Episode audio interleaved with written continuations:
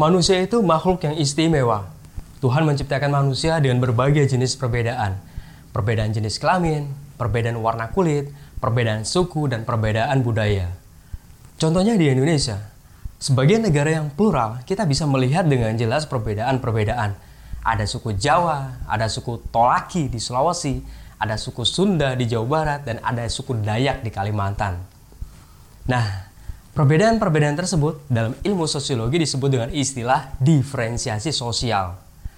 Diferensiasi sosial merupakan pembedaan-pembedaan masyarakat secara horizontal. Pembedaan dalam tingkatan yang sama. Tidak ada yang superior ataupun yang inferior. Semuanya sama, selevel, dan sederajat.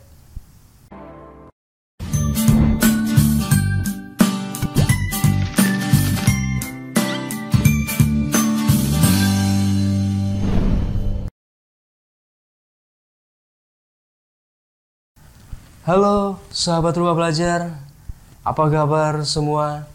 Jumpa lagi bersama Pak Ofah. Pada kesempatan kali ini kita akan mempelajari materi diferensiasi sosial. Apa sih diferensiasi sosial itu? Seperti apa ciri-cirinya dan bagaimana bentuknya? Diferensiasi sosial terdiri dari dua kata, yaitu different yang artinya berbeda dan sosial yang maknanya masyarakat. Ya, bisa diartikan diferensiasi sosial itu sebagai pembedaan anggota masyarakat secara horizontal. Asumsinya, pembedaan ini masih dalam derajat atau tingkatan yang sama.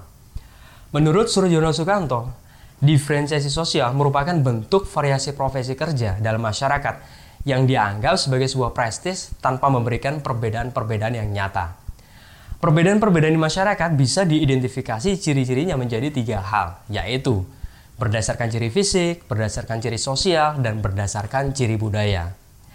Diferensiasi fisik bisa diidentifikasi berdasarkan penampakan secara fisik. Penggolongan ini dapat dengan mudah dilihat. Misalnya, kita melihat orang bule berambut pirang berjalan bersama orang berkulit gelap berambut hitam. Dengan cepat kita bisa melihat dan menilai mereka berbeda dari penampakannya. Adapun diferensiasi secara sosial bisa diidentifikasi berdasarkan peran sosialnya Misalnya, profesi, jabatan, dan status sosial. Contohnya pola perilaku seorang tentara akan berbeda dengan seorang dokter. Pola perilaku seorang guru juga pasti berbeda dengan seorang pedagang. Sedangkan diferensiasi ciri budaya terbentuk karena adanya perbedaan orientasi nilai atau agama yang dianut. Bisa juga karena perbedaan adat, kesenian, dan tradisi. Contohnya seorang perempuan yang mengenakan jilbab datang di acara pengajian dengan mudah kita bisa mengidentifikasi apa agama orang tersebut. Sahabat rumah belajar, ada berbagai bentuk diferensiasi sosial di dalam masyarakat. Di antaranya diferensiasi ras, diferensiasi suku bangsa, diferensiasi klan, diferensiasi agama, dan diferensiasi profesi. Oke, kita bahas satu persatu. Yang pertama, diferensiasi ras. Ras adalah suatu kelompok yang memiliki ciri-ciri fisik bawaan yang sama, Apabila kita menyebut satu kelompok ras tertentu, maka ciri yang kita identifikasi adalah ciri fisiknya, bukan ciri budayanya.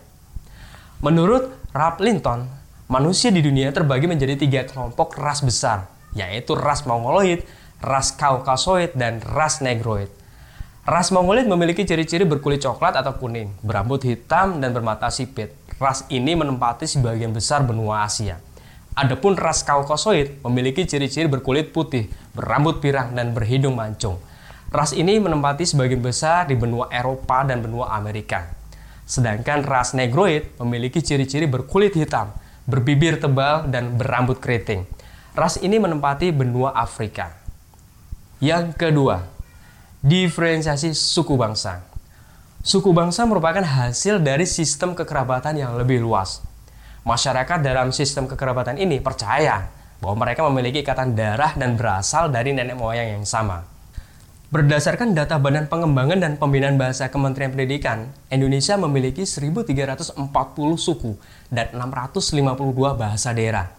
Suku-suku tersebut tersebar di 34 provinsi dan 514 kabupaten kota, dari Sabang sampai Merauke. Yang ketiga, diferensiasi klan. Klan sering disebut juga sebagai kerabat, keluarga besar atau keluarga luas. Di masyarakat Indonesia terdapat dua bentuk klan, yaitu klan atas dasar garis keturunan ibu yang disebut dengan matrilineal dan klan berdasarkan garis keturunan ayah yang dikenal dengan patrilineal. Yang keempat, diferensiasi agama. Agama merupakan sistem yang terdiri dari kepercayaan dan praktik yang berkaitan dengan hal-hal yang suci.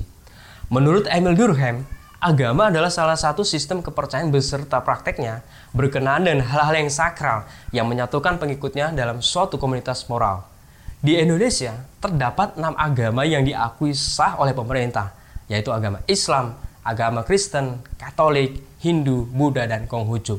Setiap agama memiliki kitab suci, tempat ibadah, dan hari rayanya masing-masing. Yang kelima, diferensiasi profesi.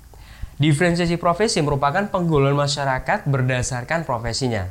Dari penggolongan tersebut maka kita bisa melihat kelompok masyarakat yang berprofesi sebagai guru, tentara, pegawai negeri, polisi, dan lain-lain. Perbedaan profesi ini membawa pengaruh tersendiri terhadap perilaku sosial di lingkungannya. Diferensiasi ini jangan dilihat dari aspek ekonomi, namun dilihat dari fungsi dari profesi tersebut. Jika diferensiasi profesi dilihat dari aspek ekonomi, maka dapat menimbulkan masalah ketimpangan sosial. Baik sahabat rumah belajar, demikian pembelajaran sosiologi kali ini. Semoga dengan mempelajari materi diferensiasi sosial, kalian semakin memahami berbagai macam perbedaan yang ada di masyarakat. Dengan memahami berbagai perbedaan, kalian menjadi lebih bijak dalam menyikapi berbagai perbedaan. Terima kasih.